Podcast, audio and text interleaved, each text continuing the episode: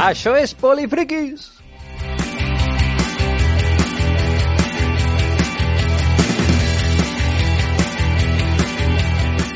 És dimarts, benvingudes, benvinguts a aquest post programa de Ràdio Sant Cugat d'oci alternatiu i cultura polifriqui. Ja ho sabeu, cada dimarts parlem de jocs de rols, eh, parlem de literatura fantàstica, de fantasia, de jocs de taula, eh, de sèries, de cinema, totes aquestes coses que tant ens agraden a les polifriquis i als polifriquis i que ens reunim eh, cada dimarts per parlar-ne. Com, per exemple, aquí el nostre arqueòleg boig, el Millán Mozota, que el tenim aquí als estudis de Ràdio Sant Cugat. Bona nit, Marc. Hola, molt bona nit. Molt bona nit, Millán. També tenim, eh, des d'Osca, el nostre enginyer eh, especialista en Batman, eh, el Marc Travé. Eh, molt bona nit, Marc, com estàs? Molt bona nit per segona vegada. No pensaries que ho deixaríem passar. I també tenim el Pablo del Canto, aquí als botonets, a la mandanga tècnica, des de, des de l'altra banda de, del vidre, en aquests estudis tan, tan, tan, amb tantes mesures de seguretat encara, eh, respectant les mesures i les distàncies de seguretat. I avui no tenim el, el Pablo Jiménez, el nostre llibreter boig, perquè, com sabeu, un cop al mes té eh, el celler de llibres, l'activitat, el club de lectura, i avui li toca, de manera que el tenim molt ocupat, i a part el tenim bastant ocupat pel tema dels de, preparatius de, de Sant Jordi, que ja queda molt poquet, i, de fet, eh, avui us anunciem que dimarts que ve eh, sí que el tindrem, el Pablo Jiménez, perquè farem eh, un programa especial sobre recomanacions eh, de llibres polifriquis. Així que eh, prepareu-vos perquè, si encara teniu dubtes sobre quin llibre voleu regalar o regalar-vos eh, per Sant Jordi. Eh, dimarts que ve farem un programa especial amb moltes, moltes, moltes recomanacions. Eh, Millan, vés apuntant i vés fent, eh? I tu, Marc, també. Aneu, aneu preparant, eh? Encara que, de fet, eh, ja en, el nostre, en el nostre podcast paral·lel, el, el Zero en Cordura, també hem fet aquest mes un programa especial sobre, sobre llibres, de manera que eh, les polifriquis i els polifriquis estem bastant, amb bastantes, bastantes ganes de, eh, de parlar de llibres. En qualsevol cas, eh, comencem avui no per llibres, sinó per jocs de rol.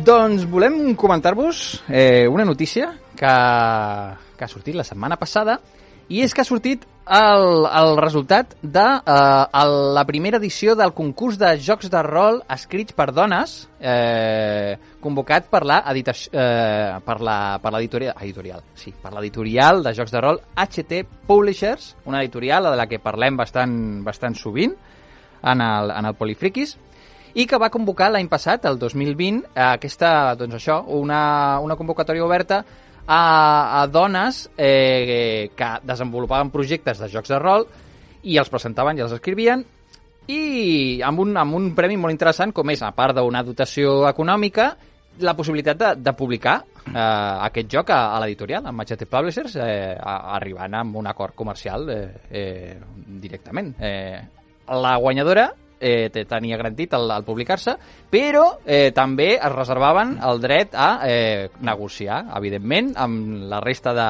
de participants per veure si, si, es, si hi havia diversos eh, projectes interessants, doncs qui sap si, si es podien publicar diversos, diversos jocs. Eh, el, jurat, el jurat estava també integrat tot per, tot per dones, especialistes eh, amb, el, amb el tema dels jocs de rol, algunes doncs, molt conegudes i molt influents en el nostre, el nostre país. Una, una amiga molt especial, la, la Maria, eh, mm. Maria Barragán, del, del celler de llibres, eh, eh, que de fet sí. és traductora mm. de jocs de rol i bé, és una gran coneixedora dels jocs de rol i gran màster, ¿no, Millán? Sí, sí, un gran màster, Maria, y además se lo tuvo muy callado. Sí, no ho sabíem. Porque no teníamos ni idea de que estava estaba participando no, hasta que salió el resultado doncs de, sí, doncs sí, doncs de les deliberacions. Correcte, i amb, amb la Maria també eh, hi havia el jurat, la Marca Alpena, també periodista especialitzada, de, de, va participar a la revista Líder als anys 90, també molt influent, la Raquel Ortega, la community manager de HT Publishers, i Maricruz Rodríguez, també sòcia i, i editora de, de HT Publishers. Eh, aquest jurat eh, no coneixia el, el nom de les persones que van, que van participar, era amb pseudònim, i van prendre la decisió, eh, i segons, segons eh, sabem, eh, el nivell era bastant alt, de manera que ha sigut Sí, bastant, sí. bastant complicat de, de fer la tria. De hecho, han, han resaltado toda una serie de juegos que no son todos los en una noticia, que en una nota de prensa que ha sacado HT Publisher, han sacado, han resaltado otra media docena de, de juegos, un poco a, a modo de finalistas, ¿no? Sí. De, de muy distintas autoras de, y de muy distintos géneros. Sí, això m'ha cridat molt l'atenció Sí. perquè a la sinopsi de, de, de, de, dels projectes realment hi ha de tot, hi ha des de jo, jocs eh, steampunk, jocs basats més en, en un tema històric, jocs per, per joves, jocs per adults, eh, una mica de tot, déu nhi eh, les propostes de, de les participants, eh, està bastant interessant. Però de totes aquestes participants només podia haver-hi una guanyadora, i la guanyadora ha estat eh, Sarabel, Sarabel Ramos, d'acord, que és una autora eh, valenciana, amb un joc que es diu, una proposta de joc que es diu Renacimiento Haguruma, d'acord? que és un joc ambientat en un Japó eh, fantàstic, d'acord? Eh, que barreja, doncs, això, la, la, la història de, de, de Japó amb el, un rotllo steampunk. Que Sí, així es en d'entrada... ese momento de en que Japón entra en la modernidad, Ujú. en la era Meiji, ¿no? Que se al final de todo el periodo este de las guerras, de la etapa más final de después de, de la, de los samuráis, ¿no? Y cuando se occidentaliza, es eso que, que llamamos la, la era Meiji, y entran, pues eso, todas las, las invenciones modernas, una de ellas el ferrocarril, ¿no? Y todas las máquinas a vapor del siglo XIX. Y supongo que a partir de eso, porque yo, claro, no conozco esta obra, pero supongo que a partir de eso, pues habrán construido, habrá construido Sarabel esta, esta ambientación steampunk, ¿no? De renacimiento Haguruma. Molt bé, així d'entrada el plantejament eh, sembla bastant interessant i crec que pot donar per aventures molt, molt, molt i molt eh, interessants. Ja, HT Publishers ja ha anunciat que aquest joc el, el publicaran i voldrem saber-ne eh, bastant més. De fet, eh, avui eh, ens hem posat en contacte amb la, amb la guanyadora i eh, no ha pogut estar avui amb nosaltres, però sí, d'aquí un parell de setmanetes parlarem amb ella i li farem una petita entrevista perquè ens expliqui una miqueta més en què consisteix aquest, aquest joc i que ens parli una miqueta d'ella i de, dels seus projectes. Genial. Així que ja ho sabeu, d'aquí unes setmanes repassarem això. Eh, aquest eh, joc de rol guanyador de la, primer, eh, la, primera edició, la primera edició del concurs de jocs de rol escrits per dones. Eh, estarem molt, molt, molt atents. Al, algun comentari a fer, Marc, eh, respecte a aquesta convocatòria? No, us estava, us estava esperant, eh, ja ho vaig dir en el seu moment, em sembla una grandíssima iniciativa. No coneixíem el jurat, però quan ha sortit el jurat, la, els quatre integrants són quatre integrants amb, amb una àmplia experiència en diferents sectors o en diferents moments del, del procés editorial uh -huh. i per mi és una molt bona notícia que hagin sortit i que hagin destacat la qualitat de diversos dels, dels jocs perquè és una manera també de visibilitzar que, que hi ha moltes autores que estan fent coses molt interessants, com per uh -huh. exemple la que la Laura que va venir fa unes setmanes, mm. que estan fent coses molt interessants i, i que fins ara igual no han tingut la- l'oportunitat en el seu moment se'ls va criticar a les xarxes almenys per fer aquesta iniciativa i a mi sincerament em sembla una cosa digna de- d'aplaudir-se. Sí, bé, sí, sempre amb aquell, quan, quan una convocatòria està oberta només per dones i, i de vegades apareixen moltes veus crítiques, però al final és una postura... Al Sí. final, eh, des, del, des del privilegi Sí. dels homes és molt fàcil fer aquestes crítiques quan en realitat el, el, la resta de, de concursos oberts a jocs de rol al final estan ocupats en- majoritàriament per homes. Sí, el- el- es que el, el- el ámbito de la creación y editorial está prácticamente habiendo muchísimas autoras digamos sin publicar o amateurs muchísimas masters muchísimas creadoras de contenido Mm. no tenían esa presencia y esto es lo que se dieron cuenta eh, lo, lo dice el- en la misma nota de prensa Turbiales que Mm. fue uno de los impulsores o, o que se le ocurrió la idea original y, y Tiberio de Jorge Coto de HT Publisher eh, lo dicen, ¿no? Que, que ellos veían que hay tantas autoras, pero ninguna publica. ¿Qué pasa aquí? Vamos a ver si ayudamos un poco a esto, ¿no? Sí, sí, moltes autores i moltes jugadores, perquè també sí. dintre de, de, del propi eh, jurat es veu clarament gent, eh, per- persones amb una trajectòria molt àmplia i de vegades eh, el món de, dels jocs de rol eh, es percep com, ostres, és que és una cosa que és només per, per homes, només per tios, o als anys 90 només mm. jugaven homes, i no és així, perquè al final, eh, si mires el, el jurat eh, que han triat HT Publishers per, per triar aquest joc mm. escrit per dones, ostres, són gent que porta molts anys molts, en el món anys. dels jocs de rol, i és que realment moltes vegades eh, no és que no, no, no hi siguin o les dones, sinó que potser no se'ls ha deixat eh, parlar o no se'ls ha escoltat. De manera que és una molt bona plataforma aquesta, aquesta iniciativa que aplaudim des de, des de Polifriquis. I amb això Anem... Bàsicament és, si teníeu ganes de criticar HT Publishers, també ens podeu criticar nosaltres. Ah, sí, sí, home, sí, i tant, i tant. Això estem en encantades de que ens critiqueu.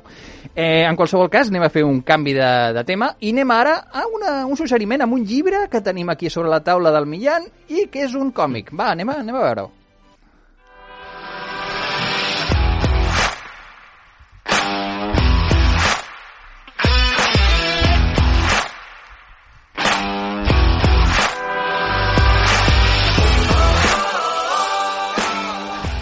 Bella Muerte. Que és, és molt maca aquesta edició, he de dir, que em crida molt l'atenció. Sí. Què, què, què és aquest, de què va aquest còmic, Millán? Es un cómic de El extraño oeste, así mm. un poco el Wild West, un cómic que mezcla las historias western con lo sobrenatural, lo extraño y lo fantástico pero no lo hace, digamos, a un estilo más pulp o aventurero, como podría ser el Wild Wild West. ¿Te acuerdas aquella película del...? Vaya, si me recuerdo, una de las mías películas de l'Oest preferidas, vaya.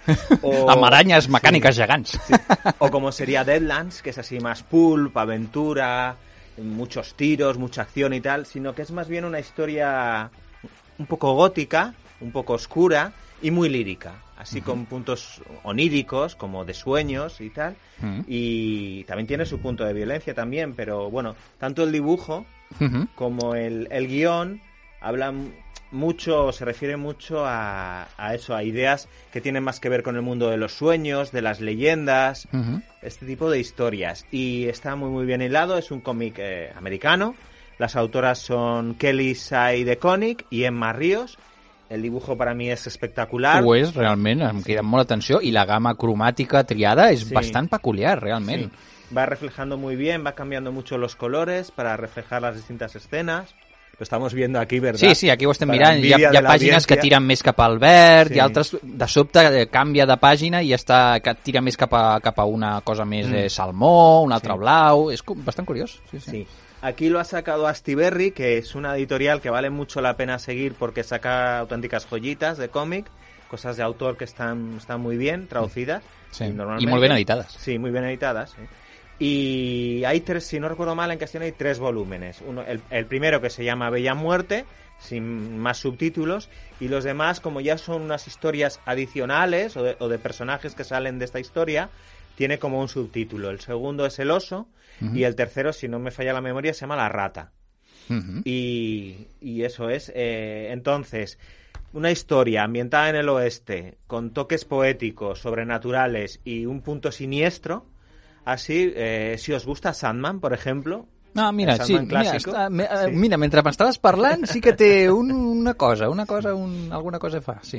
Esto os puede encantar y además hoy no me podéis criticar porque yo creo que estos cómics son fáciles de encontrar en las librerías especializadas. Uy, que no. Igual no te podemos criticar por lo mismo que lo hacemos otras semanas, però... Molt bé, sí, sí, sí. Si us interessa aquesta Bella Muerte que ens recomana el Millán, ja sabeu, podeu anar a la vostra llibreria de, de proximitat, eh, com per exemple la nostra preferida, que és el celler de llibres, eh, i demanar-la, demaneu, demaneu els còmics aquests. Aquest, ja et dic, eh, és, és, es pot accedir molt, molt fàcilment. Eh, L'Estiberri publica Bella Muerte. Però no és l'únic còmic que recomanem avui, perquè avui el Marc ja feia bastantes setmanes en tenies una mica mm. preocupat, Marc, perquè no, no ens, ens recomanava res del, del Batman verso. De, a veure si el Batfleck de... le ha dejado chof. a veure si estàs saturat del Snyder Cut i no et va de gust de llegir còmics del món de Batman. Què, què està passant? faré veure que no he dit, no he dit res de tot el que acabeu de dir.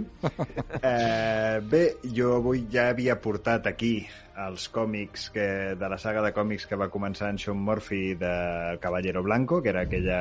Eh, aquest nou univers Batman en el que el Joker intentava eh, destronar en Batman no per la via de la confrontació, sinó per la via de convèncer aquesta, a la població de Gotham amb el fet de que Batman era un perill públic Mm. eh, i que li costava molts diners a la ciutat. Que una mica té bastanta raó al Joker, eh?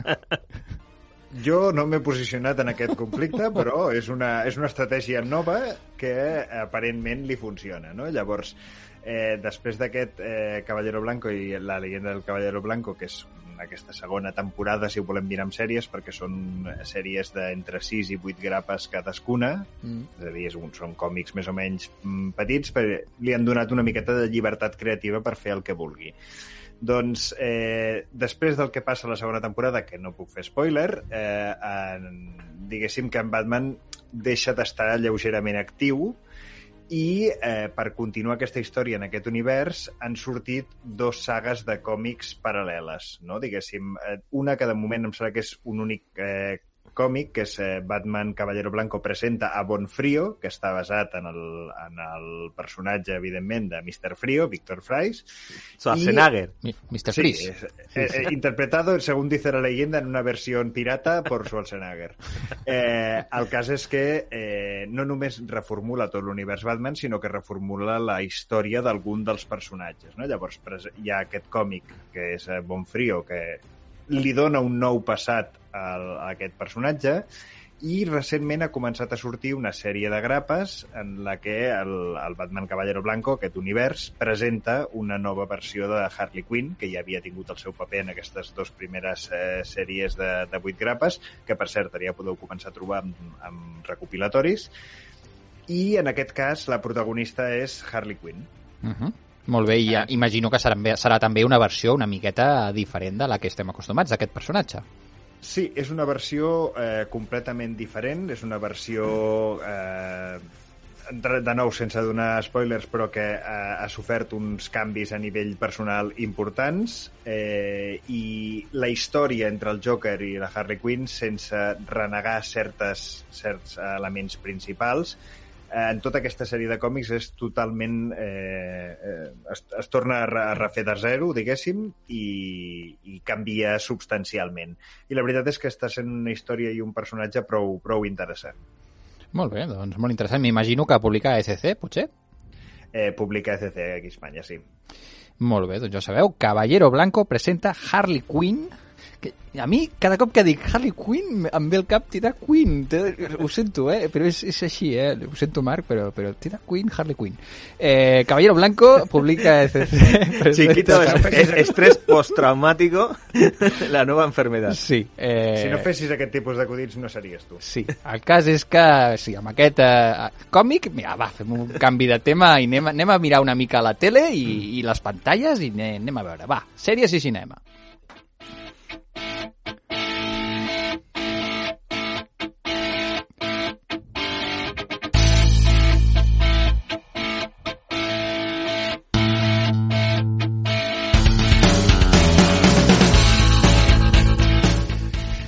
Bé, tenim, tenim molts temes. Escolta, sempre, sempre, últimament, estem parlant molt de sèries, molt de, de cinema que estem veient. Eh, tenim moltes ganes. No sé què ens passa, Millán, que estem, estem enganxats a les pantalles. Es lo que hay, ¿eh? Es a lo que vamos.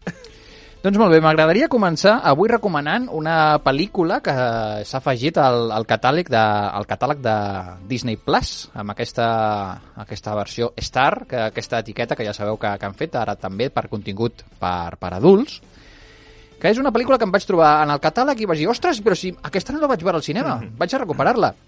I es tracta Sense, de... sense spoilers, que jo tampoc l'he vista. Ah, no, no, no faré gaire spoilers. No.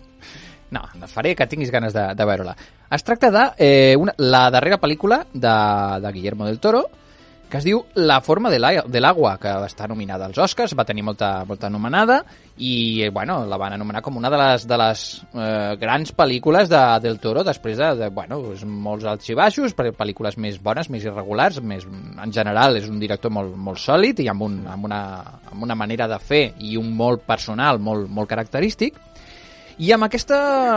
La forma de l'aigua, realment, jo crec que dona un pas més enllà i es postula com, ostres, un gran creador amb un univers, l'univers del Toro, eh, que enganxa també amb moltes de les seves pel·lícules anteriors, i que realment és un conte preciós. Ja sabeu que eh, Del Toro té aquesta, aquesta tendència una miqueta de retorçar, portar al límit el, el, el tema de les fàbules o aquestes històries eh, relacionades amb el món fantàstic, amb el món de les fades o amb el món una mica de la imaginació, amb el món real, fosc, del, de l'autor. D'acord? En aquest cas es tracta de d'una una proposta ambientada en els anys eh, 50-60 aproximadament, eh, una miqueta Guerra Freda, d'acord? I ens parla de... Un, és una història que succeeix eh, en un recinte del, del govern, d'acord? En el que passen eh, pues, coses misterioses, en el que el govern dels Estats Units eh, té projectes secrets d'alta tecnologia, barrejat una miqueta amb un punt, un puntet steampunk, eh? una miqueta, eh, diria. I, però però no, no ens centrem aquí, els grans protagonistes no són pues, allò, pues, eh, científics o grans desenvolupadors, algú que està treballant allà, sinó eh, concretament una, una persona eh, molt concreta que és una dona de la neteja que treballa en aquest edifici. I veiem la seva rutina diària, de com cada dia s'aixeca, com pues, fa tota una, una rutina, i va treballar per netejar per les nits en aquest eh, recinte en el que es fan experiments i coses molt, molt rares. Veiem unes tecnologies allà que veus que, bueno, pues, que per la nit, un cop ha passat tot, ja se'n van els homes, els científics i tot, i venen les dones de la neteja a netejar pues, eh, el, el que sigui, els lavabos, els, els terres i el que sigui. A més, aquesta noia eh, té, té, té, és, és, és muda, eh, no, és, no és sorda, és, és, és muda, o sigui, s'expressa a través d'un llenguatge de, de signes, i bueno, això pues, la té una mica també, pues, una mica marginada. Vale? I ella té, és, és, és amiga amb una altra dona de la neteja, i, i bueno, pues van, tenint, van tenint històries. I resulta, eh, veiem aquesta vida diària d'aquesta noia i anem descobrint eh, una cosa que és un projecte secret, que és concretament una criatura que arriba en aquest edifici, que això, Marc, no t'estic fent gran spoiler perquè està en el, en el pòster, Eh, ho sé, i, ho sé. Sí, i és que arriba eh, una criatura eh, que no és del tot humana, eh, és una criatura amfíbia, i que la tenen, eh, que l'han capturat a, a un país de, de Sud-amèrica, que on, on allà l'adoraven com, com els natius de, de, la- de la selva, i se l'han emportat per estudiar-la amb molt males maneres, d'acord? I està com maltractada i tancada en un, en un tanc i la volen estudiar mm, per, per veure què fan, què fan amb ella. Mm, Per exemple, fer algun experiment re relacionat amb la carrera espacial. Què passa? Que quan aquesta, aquesta noia eh, veu aquesta criatura, estableix un vincle especial i sense, sense fer més spoilers i explicar gaire més, eh, s'estableix una connexió molt especial entre aquests, eh, aquestes dues eh, criatures, eh, una en aquest cas humana i una altra no humana, i, i, i passen tot de coses. A partir d'allà comença a desenvolupar-se eh, una història d'amor i té un final pues, bastant, bastant interessant. Eh, aquí barregem una miqueta, ja veieu, el tema de la fantasia amb la ciència-ficció i, i bueno, pues una miqueta un món contemporani. Eh, el disseny del, del personatge d'aquest eh, eh, ésser amfibi us recordarà molt si, si us en recordeu de Hellboy, eh, Sí. pel·lícula dirigida per, per Guillermo del Toro, amb aquell eh, Ape Sapiens de, Sí. dels còmics de Hellboy, és molt semblant. Realment, Vale, jo crec que van aprofitar el mateix disseny de l'Ape Sapiens aquell i han fet una cosa molt semblant. El que passa que aquest és un, és un, té unes característiques diferents i unes, eh, una biologia també diferent. No parla, es comunica també a través de signes amb aquesta noia i tota aquesta història d'amor també serveix com una mena de reivindicació eh, pues de, dels, eh, de, de, de, dels menys visibles, d'aquella gent que moltes vegades pues, eh, per, per les seves capacitats diferents o per pertany a un determinat grup social o un determinat eh, gènere o, o, o, o tenir un origen determinat està pues, eh, a la societat eh, deixada de banda. Eh, és molt interessant la reflexió que fa del Toro i, i té un missatge molt, molt positiu i molt maco. És una pel·li super inclusiva, eh, visualment impactant. A mi m'ha recordat molt, eh, a part de l'univers habitual de, de Guillermo del Toro, de, començant per Hellboy, per exemple, a les pel·lícules de, originals de, de Jonet i Caró, aquells, eh, aquell duet de, de directors que van fer, per exemple, Delicatessen. Ah, vale. Eh, un dels do... A mi m'ha sí. recordat molt a, a Delicatessen, de fet, l'estètica i la manera de, de, de rodar i tot, i la manera de les actrius i tot, bastant, bastant semblant a Delicatessen. Mm. Eh, després va fer alguna pel·lícula d'Alien, un dels dos, em sembla. Sí. Vamos a quedarnos con la ciudad de los niños perdidos. Sí, la ciutat dels niños perdidos. També que té aquest punt, aquesta estètica de la ciutat de los niños perdidos, eh, està bastant a tocar eh, l'estètica de, de Del Toro.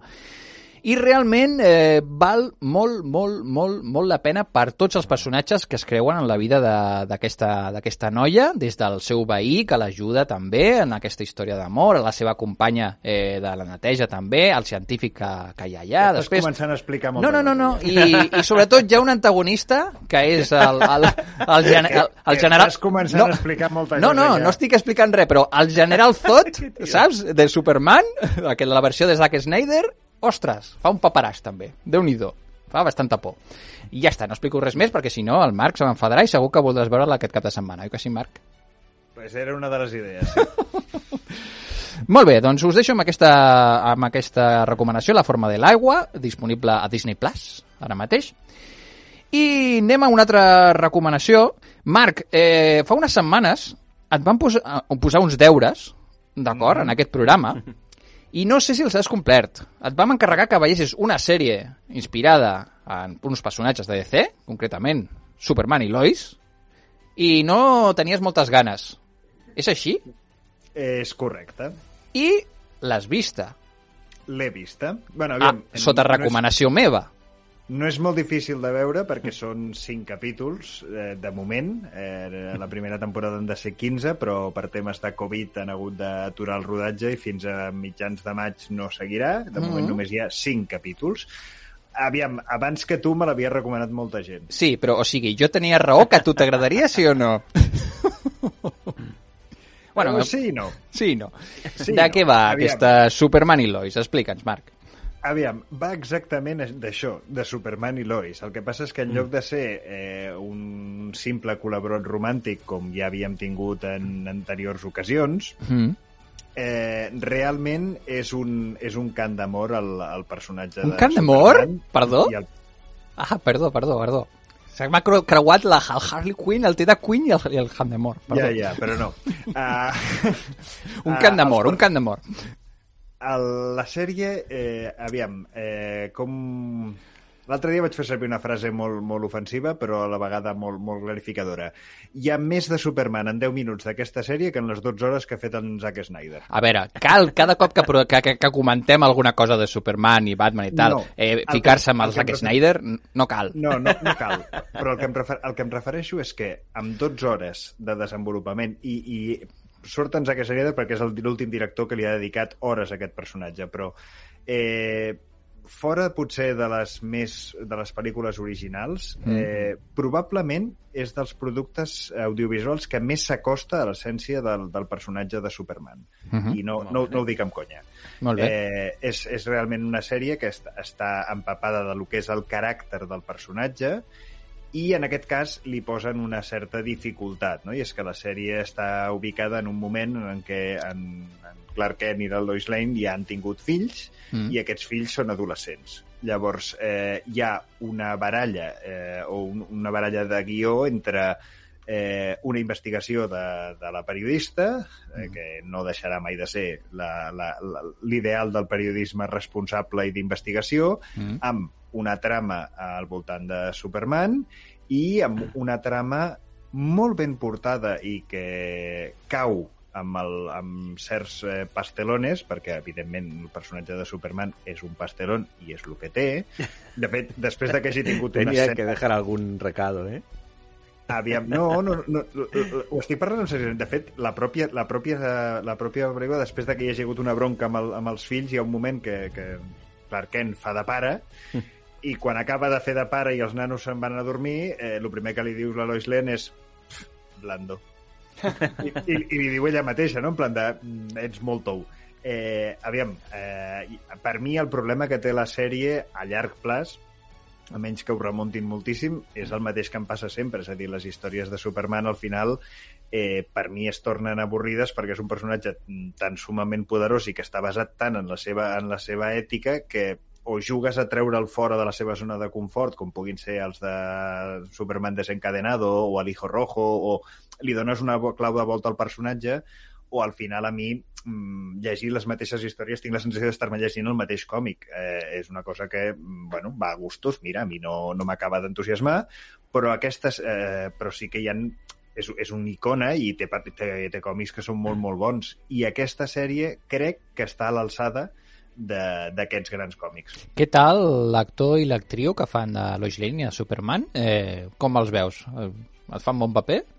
Uh, els, ve, els veig amb una interpretació correcta pel, pel, que, pel que són els personatges, és a dir, al final el personatge de Superman mm, molts, molts conflictes interns no té però, però estan, estan alçades, és a dir, no, no hi ha hagut res de la sèrie que, que m'hagi desentonat especialment, al contrari, m'ha semblat allò de dir, està feta amb mimo, està feta amb carinyo i, i està cuidat els efectes especials. Crec que el pressupost està molt ben posat perquè quan hi ha d'haver una miqueta d'efecte especial aviam, es nota que no és una superproducció Marvel mm -hmm. en algun moment, però està, està prou ben assignat perquè sigui allò de dir no, no, aquí anem a jugar amb aquesta il·luminació i llavors no cal, els decorats no semblen de cartroploma, els combats estan prou ben coreografiats i els efectes especials estan posats allò en plan d'invertir els diners en aquesta escena perquè toca. Mm -hmm. Marc, eh, I així eh... no queda cutre. Yo tengo dos preguntas muy rápidas. La primera, eh, ¿han dado alguna pista o, o se sabe o no se sabe de si esto estaría en el Arrowverso? Y podrían haber crossovers con las series de CW, de, de DC. Y la otra es que si salen Superman, Lois y los hijos, si sale Crypto. Això m'interessa molt també. Surt Crypto a la sèrie, Marc? En los cinco primeros capítulos no ha salido Crypto. Estem parlant de Crypto és el, el supergos, el, el, el gos de Superman. eh, de moment no ha sortit Sí ha sortit una versió eh, de Luthor que em sembla molt interessant, les coses com són. Té cabell o no? Eh... No, no, no, no té. Ah, bé, bé. No, no en té, però, però els, els acèrrims crítics, no puc dir massa cosa, però eh, diguéssim que respecta l'essència del personatge, però igual no eh, tot l'aspecte tal com està previst. Mm -hmm. Eh, de tota manera, eh, l'altra pregunta que m'has fet és si està o no dins de la Rouverso. T'haig de confessar que jo la Rouverso mm. no el domino especialment perquè vaig veure alguns capítols d'Arrow i vaig dir mm, no, no, no em sembla ni fidel al personatge, ni m'agrada la sèrie, ni em sembla que estigui ben posada la pasta perquè els efectes especials acaben quedant. Em va passar una miqueta el mateix amb Flash, em va passar el mateix una miqueta amb Batwoman bueno, el, i amb Supergirl, però oficialment tinc entès que sí. Ok, molt bé. Ah, molt bé. Doncs interessant. Si us, us interessa el món d'aquestes sèries, de, de Flash i de Arrow i tot aquest univers... Legends of Tomorrow, també. Sí, sí. Molt bé, molt bé. I segur Mira, que... Esa, esa sí que me pareció algo, con alguna cosa interesante. No, no, hi ha previsió de DC que faci allò un, alguna pel·lícula d'aquestes de mons infinits, no? I mons alternatius que es van creuant tots els personatges, diferents versions, no? Si no m'equivoco, la previsió de, de DC està per aquí la cosa. Sí, la previsió de DC està per aquí. El que passa és que la previsió de DC en general, i ja sabeu que jo mm, tendeixo a ser més de DC que de Marvel en general, amb tot el de còmics, però la previsió de DC moltes vegades ha anat una miqueta errant en funció del que anava fent la competència. Mm. I els hi costa trobar un producte propi que diguis, hòstia, això està fet de qualitat. Senyors de DC, així sí, o sigui, ara heu trobat una manera de fer una cosa més o menys seriosa, ben feta eh, d'un dels personatges. Pues, intenteu replicar el model amb la resta de personatges. A, a quina plataforma? HBO? Eh, sí, aquesta sèrie aquí a Espanya es pot veure a HBO. Molt bé, Superman i Lois, aquesta sèrie que eh, ja, de moment eh, ha mitja temporada, però aviat eh, en tindrem més capítols. Mm, molt interessant. Qui més? Eh, després de, de HBO anem ara a una altra sèrie de... que és una sèrie o una pel·lícula, Millan? Quina? Generation Kill. És una miniserie. Una miniserie. Empieza y acaba. ¿De, ¿De qué va això? Es, no es una serie de ahora mismo, ya tiene unos cuantos años, pues casi una década, y es una, bueno, eh, supongo que os sonará o conoceréis la serie de The Wire. Sí. Esta serie de, de policíaca, ¿no? Como muy realista, casi documental en algunos aspectos, con, con muchos personajes, con historias con mucho detalle, explicando el día a día de las investigaciones policiales y demás, ¿no? Eh, pues eh, los mismos creadores, a nivel incluso director, productores y el, y el equipo, El David Simon. Sí. Eh, eh, hicieron, después de The Wire, una miniserie que se llamó Generation Kill, que está basado en un libro de memorias de un periodista de la Rolling Stone, de la revista Ostras. Rolling Stone, Ujú. que estuvo incrustado con una unidad de marines en la Segunda Guerra del Golfo. Bueno, la Ostras. llamo yo la Segunda Guerra del Golfo, que ya soy mayor y me acuerdo de Tormenta del Desierto, que fue la primera, ¿eh? en la invasión de Irak, eh, con George Bush hijo. Entonces, eh, durante esa invasión de Irak hubo muchas unidades del ejército americano, pero concretamente había una unidad de reconocimiento de marines, una unidad de élite que estuvo en los sitios más peligrosos y en algunos de los momentos críticos de, la guerra. Y ahí de alguna manera pues acabó lo que llaman incrustado, es decir, que iba con los mismos soldados y vivía su vida y todo igual este periodista, eh, al que en la serie llaman el plumilla. No, no, això era una cosa que, Sí. que també, que la revista Rolling Stone enviava a la gent Sí. normalment a, a les gires dels grups de rock en Sí. la seva origen, però no sabia que també, mira, també l'havia Sí, sí. enviat a, a l'exèrcit, a, a Claro, al principio, entonces, eh, cuando llega al... eh, Digamos que para presentar a los personajes y la situación se hace a través de este periodista en la serie, porque además está basado en el libro que él escribió, eh, que se llamaba así, Generation Kill. Eh, sobre estos marines del ejército americano y, y cuando él llega pues al claro los no ocultan ninguna ningún detalle ninguna cosa de que bueno los marines pues pueden tener sus virtudes y tal pero son soldados y, y entonces son soldados de ideología de muy de derechas Una muy mica. muy Pot- conservadora No generalitzem, però en general Sí. pues, és possible. y además, pues eso, como mm, con mucho desprecio hacia las izquierdas y, y hacia los artistas y tal, y cuando llega, pues le ponen a bajar de un burro, ¿no? Le dicen de todo. y, y lo tienen así, que, que lo van a crucificar, y a él se le ocurre decir, bueno, también he sido periodista de la Hasler. Es una revista pornográfica. Mm. Sí, correcte. Y la sí. de Playboy. Esto es. Y entonces se convierte en el ídolo de todos.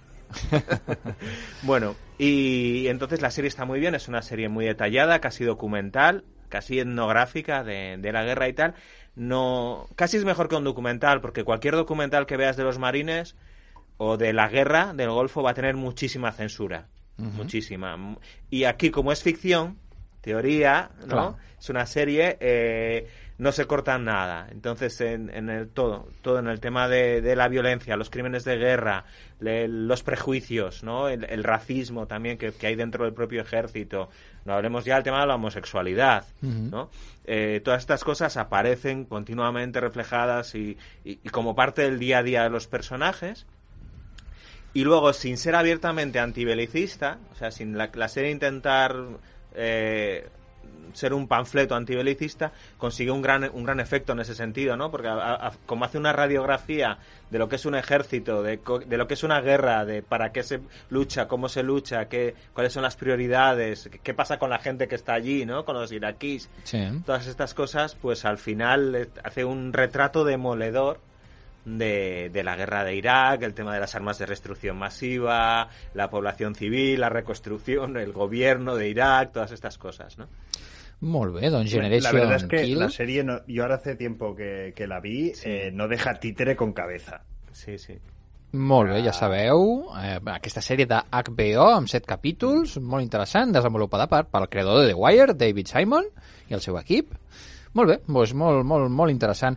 El Marc també ens porta una altra recomanació que, si és la que jo crec que és, eh, és un clàssic, com és El Golpe. És un autèntic clàssic eh, i és la que et penses que és. Ah, amigo. No és un, un El Golpe reboot ni res. No, com, com, deia, com deia el, el Pablo del Canto, el nostre estimat tècnic, eh, eh, no té res a veure amb el fet de que la fessin ahir a la tele. Eh, va ser allò d'arribar a posar-la, va sortir a l'atzar i va ser, ai, mira, el golpe! I ens vam quedar mirant-la i recordant, recordant, va ser allò de dir, bueno, de tant en tant no passa res perquè revisionem algun d'aquests clàssics eh, de, del cinema. Eh, és una pel·lícula absolutament meravellosa. Mm, És una pel·lícula amb un ritme de guió que em sembla prou interessant, que ja té eh, alguns eh, punts d'aquests de girs de, inesperats de guió que, que avui en dia semblen tan moderns, però que ja es feien fa, fa dècades. Mm. Eh, surt la pareja de guapos de l'època per excel·lència, en Robert Redford i en I, Paul de, Newman. I de la història del cinema, diria. I de la història del cinema, sí, de fet, eh, aquesta pel·lícula va, va donar una lliçó vital. Abans li explicava el Millan fora de micro que jo, la primera vegada la vaig veure, l'estava veient a casa amb els meus pares. Mm. I a la primera escena que surt en Paul Newman, a mi se'm va ocórrer dir la frase de "Va, pues, tampoc és tan guapo. Eh, ma mare bueno, em va recordar una miqueta la nena de l'exorcista a l'hora de girar el cap violentament i mon pare em va donar una lliçó vital que va ser un Marc, un consell per la vida. No t'interposis entre qualsevol ser vivent i en Paul Newman. Tens les de perdre. Sí, sí. Eh, totalment d'acord. Eh, un... Però és una pel·lícula que, per, pels que no la- no l'hagueu vist mai, eh, bàsicament és eh, un timo. O sigui, és, un- és eh, un seguit de personatges eh, amb un, explicat amb un ritme relativament lent, eh, que es veuen immersos alguns per venjança, altres simplement perquè és la seva manera de guanyar-se la vida, de veure com aconsegueixen fer un, una estafa a algú que és relativament perillós Uh -huh. i és tot el procés per acabar-la muntant i, du i duent-la a terme amb una banda sonora pràcticament amb tota la música de, de Scott Joplin una banda sonora que és absolutament espectacular, una fotografia que és molt, molt, molt interessant, un parell d'ulls blaus que estan allà i cada cop que surten et deixen hipnotitzat Mm. i unes interpretacions eh, a la- a l'alçada que l'han convertida en una de les pel·lícules clàssiques de la història del cinema que De hecho, cualquier serie, película que veáis de timos, de robos, de Heist, eh, Ocean's Eleven, eh, Sí. la serie ahora, de... ahora me ves Sí. Cualquiera de estas eh, se basa o en, en principio hace homenaje o, o no existiría si no existiera el golpe. Totalment. Sí, I la sí. majoria d'aquestes tenen fins i tot alguna escena o algun guinyo o alguna cosa que té a veure amb, amb aquesta pel·lícula. Molt bé, ens encanta recuperar també clàssics, a més de, de les darreres novetats. I parlant de les darreres novetats, volia també repassar una miqueta els tràilers i el salser una miqueta que, de les xarxes socials polifriquis eh, que hem vist en els darrers dies. Una repassadeta, a veure què us sembla, de les coses que hem vist els darrers dies. Per una banda, eh, ha sortit ja el tràiler de la propera sèrie de, de Marvel a Disney+. Plus. Eh, Loki, T'agrada molt, eh? Perquè ja, ja hem Sí, parlat, ja l'he portat eh? moltes vegades, però ara per fi ja hem vist el tràiler i ja hem vist una miqueta per on van los tiros. I és bàsicament Hem vist el segon tràiler. el segon tràiler, però, però dona més informació. Està molt bé. Sí, és en però plan... ja n'hi havia un. Sí, però aquest té més coses i més imatges i està molt xulo. I... És Doctor, Doctor Who, no? Doctor Who o el Ministerio del Tiempo eh, más, más Loki. I, bueno, i, i ja ho sabeu que a mi aquest, aquesta sèrie m'està deixant todo Loki i, i jo estic esperant que l'estrenin, que ja té data d'estrena al, al juny, si, si no m'equivoco. Un dia d'aquests et regalarem un pòster del Tom Hiddleston. Oh, pues jo, encantat de la vida. Eh, Jo, pel, pel Hiddleston, el que, el que faci falta. El que faci falta. M'agrada molt, eh, està molt bé i de moment eh, promet ser bastant diferent a l'altra sèrie que estarà mateix en actiu, en, en marxa, estrenant un capítol cada, cada divendres, que és eh, Falcon i el Soldado d'Invierno, de la que volia precisament comentar una cosa que m'ha cridat molt l'atenció. Eh, Sabia que tu no deixaries passar aquesta oportunitat. eh, és, és bastant flipant, eh? perquè ja sabeu que bueno, totes aquestes sèries, el, el bo que tenen de que s'estrenin un, un capítol per setmana és que dona temps per eh, pues, els comentaris a través de les xarxes socials i generar molt i molt de moviment i debat entre el fandom, d'acord? És el que ha passat amb el, amb el darrer capítol, eh, de fet, el, el penúltim capítol de, de la sèrie, que eh, ja després s'ha emès un altre més, eh, en el que eh, els personatges, Falcon i, i el Soldado d'Invierno, eh, a, a més de creuar-se d'una manera que no explicarem, eh, per no fer gaires spoilers, amb un altre personatge conegut de les, de les pel·lícules de, dels Vengadores, concretament eh, de Civil War, com és eh, Zemo, el Baron Zemo, inter interpretat per eh, Daniel Brühl, Que, que és un crack, eh? és meravellós. Un Daniel crack. Brühl, aquest actor, amb, amb, amb família espanyola, mig alemany, mig, mig espanyol, eh, que fa de Zemo i que directament a la sèrie ja li reivindiquem el títol de Barón, Sí. que era una cosa que la, la, la peli a Civil War no, no ho feien, però ara sí, i veiem que el tio eh, pues, és un barón, i és un, és un noble d'un de- d'un país de Sacòvia, no? i el tio de, té una vida de, de, de barón.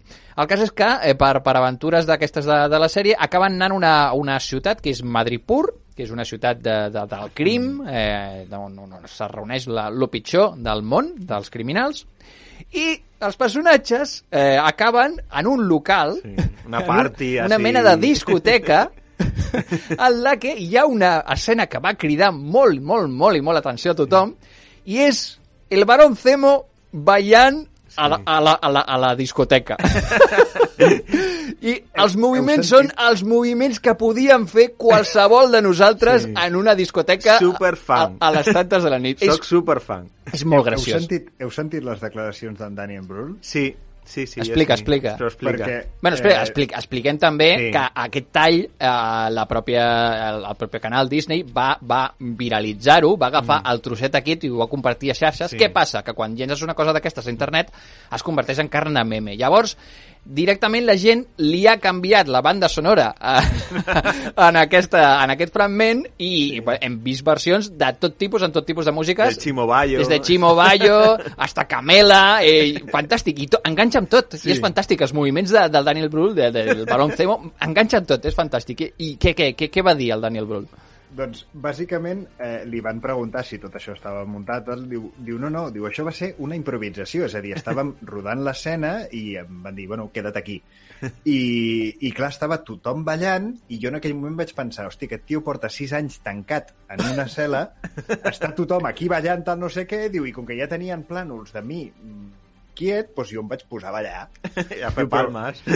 Però I fer palmes, pensava- les, les palmes Sí, són sí, fantàstiques, sí. són Diu, fantàstiques. Però jo em pensava que allò ho tallarien, que allò no estaria al capítol final. Vull dir, jo estava allà i mira, estàvem caracteritzats, ningú no em feia ni punyetero caso en aquell moment, doncs jo em vaig posar a ballar tal, i sí, vaig pensar aquesta frase, però bueno, vaig pensar aquesta frase en plan de, va, aquesta escena la tallaran. Diu, clar, quan me la vaig trobar amb el capítol i m'he trobat amb tot el xou muntat i tal, bueno, doncs mira, decisió de la direcció, jo què voleu que us hi digui, els hi va agradar el meu punt d'improvisació, però Em sembla Però que- brillant i que fa, li fa el, un punt al personatge Mm. molt interessant, perquè realment, si és un baron i és un tio que s'ha dedicat a viure la vida de manera hedonista, fent una part de la seva vida, el veig perfectament coherent, que hagi passat moltes a moltes discoteques. Sí, de hecho, es a nivel, para mí, eh, de discurso y de la historia del personaje, es de los más coherentes de la serie. A mí, yo cuando habla me convence. Sé que es un villano, pero me parece que tiene razón. No, no, i és un, és un villano molt Bueno, interessant perquè és un, sí. eh, és un dolent que realment manipula amb, amb, amb, els, amb els bons, Sí. eh, amb la, juga amb les seves ments, com ja va fer a Civil War, que de Mm. fet és el que, el, el que va dividir l'equip dels, dels, dels Mm. Vengadores, dels Avengers, de manera que molt, molt interessant el desenvolupament. Jo crec que està guanyant molt, està agafant pistonada la, la sèrie, que per mi va començar fluixa, ja ho sabeu, ja vaig, els primers capítols no em van entusiasmar, i ara Yo estic es enganxadíssim. com- eh, claro, como había leído quizás más cómics que tú del Capi, de Capitán América, Claro. veía por dónde apuntaba. y estaba en plan, espera, espera.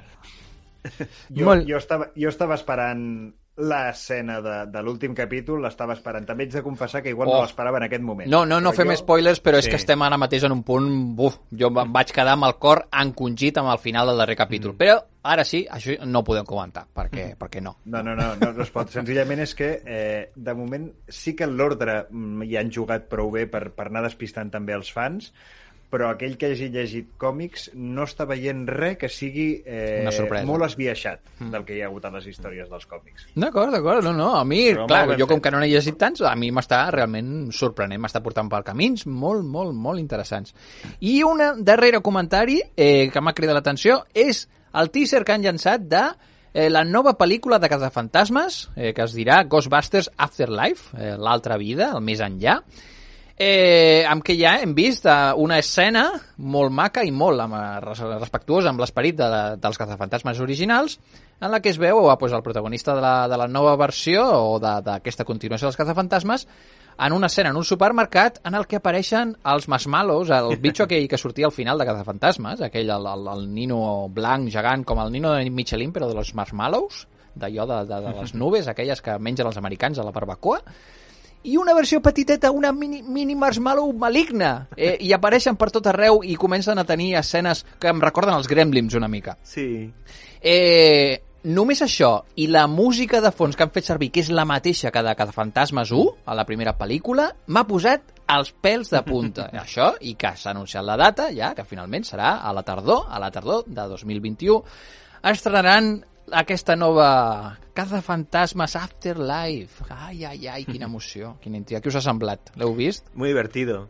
Muy, muy, muy bien. Es Llama la cu- curiosidad. Sobre Es- todo es distinto, ¿no? un poco distinto, no te lo esperas. Sí, sí, és bastant... Y a la vez hila bien eso lo que dices, la, la historia de la película original, ¿no? Sí, sí, eh, és una a mica... mi hi ha tres coses que m'han agradat. La primera, eh, com a tràiler, com diu el Millan, ha picat la curiositat. I això és un bon punt.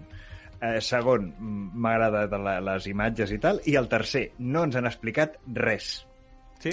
És I fantàstic. això com a tràiler m'agrada. Eh, de fet, ja havia sortit algun altre teaser original que ja es veien més cosetes, eh, que de cap on va la cosa, però sembla que realment, eh, eh, com a mínim, reprendran la història en un punt bastant, bastant curiós. Recordem que estarà dirigida per el fill de, el fill d'Ivan Reitman, Jason Reitman, i això ja té un puntet de, eh, emotiu pels fans de la, de la saga. Així que ja veurem. A veure, en parlarem a Polifriquis, segur. Però abans d'acabar, i com que la setmana que ve és Sant Jordi, eh, millor recomanem, si us sembla, un llibre.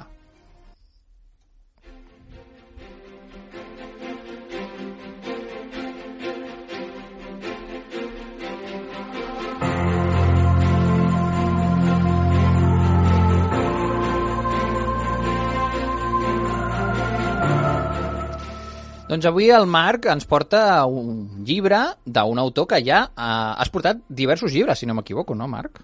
Sí, de fet crec que és l'últim que em faltava tret de la seva saga juvenil i és l'emblema del traïdor del, d'en Jun- Joan Juan Gómez Jurado Mm.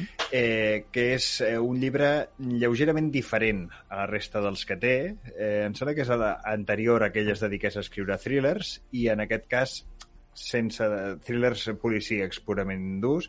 Aquest no deixa de ser un, un, un cert llibre de, de thriller que comença amb, amb un naufragi en el que es rescata en la Segona Guerra Mundial, a finals de la Segona Guerra Mundial, es rescata una, un personatge, eh, un grupet de personatges amb els que no s'enteren de res, però li dona un, una, un emblema a un capità eh, gallec, si no recordo malament, Mm.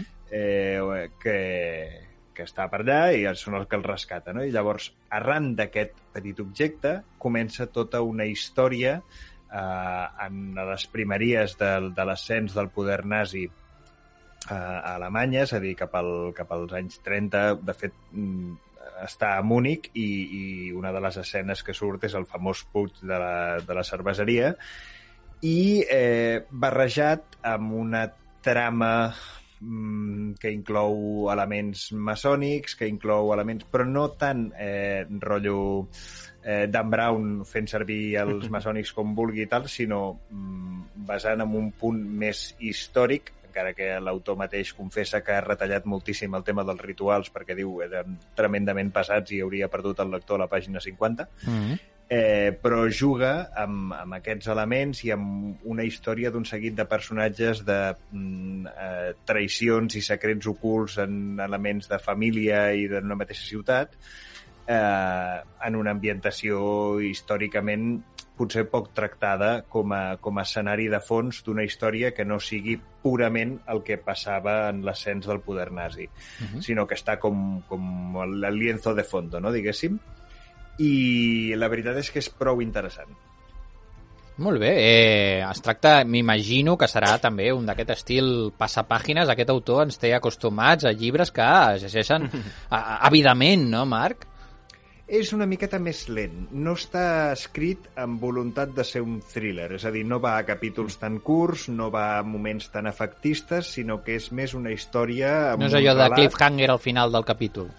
Eh, sí que hi són, però, però com en una novel·la literària amb cert suspens. No està específicament buscat eh, el que sí ha fet, per exemple, clarament amb la trilogia de Reina Roja, eh, Mm. eh, no recordo el nom, el, el Rei Blanco és el segon, l'Ova Negra crec que és el segon, i Mhm. el Rei Blanco el tercer.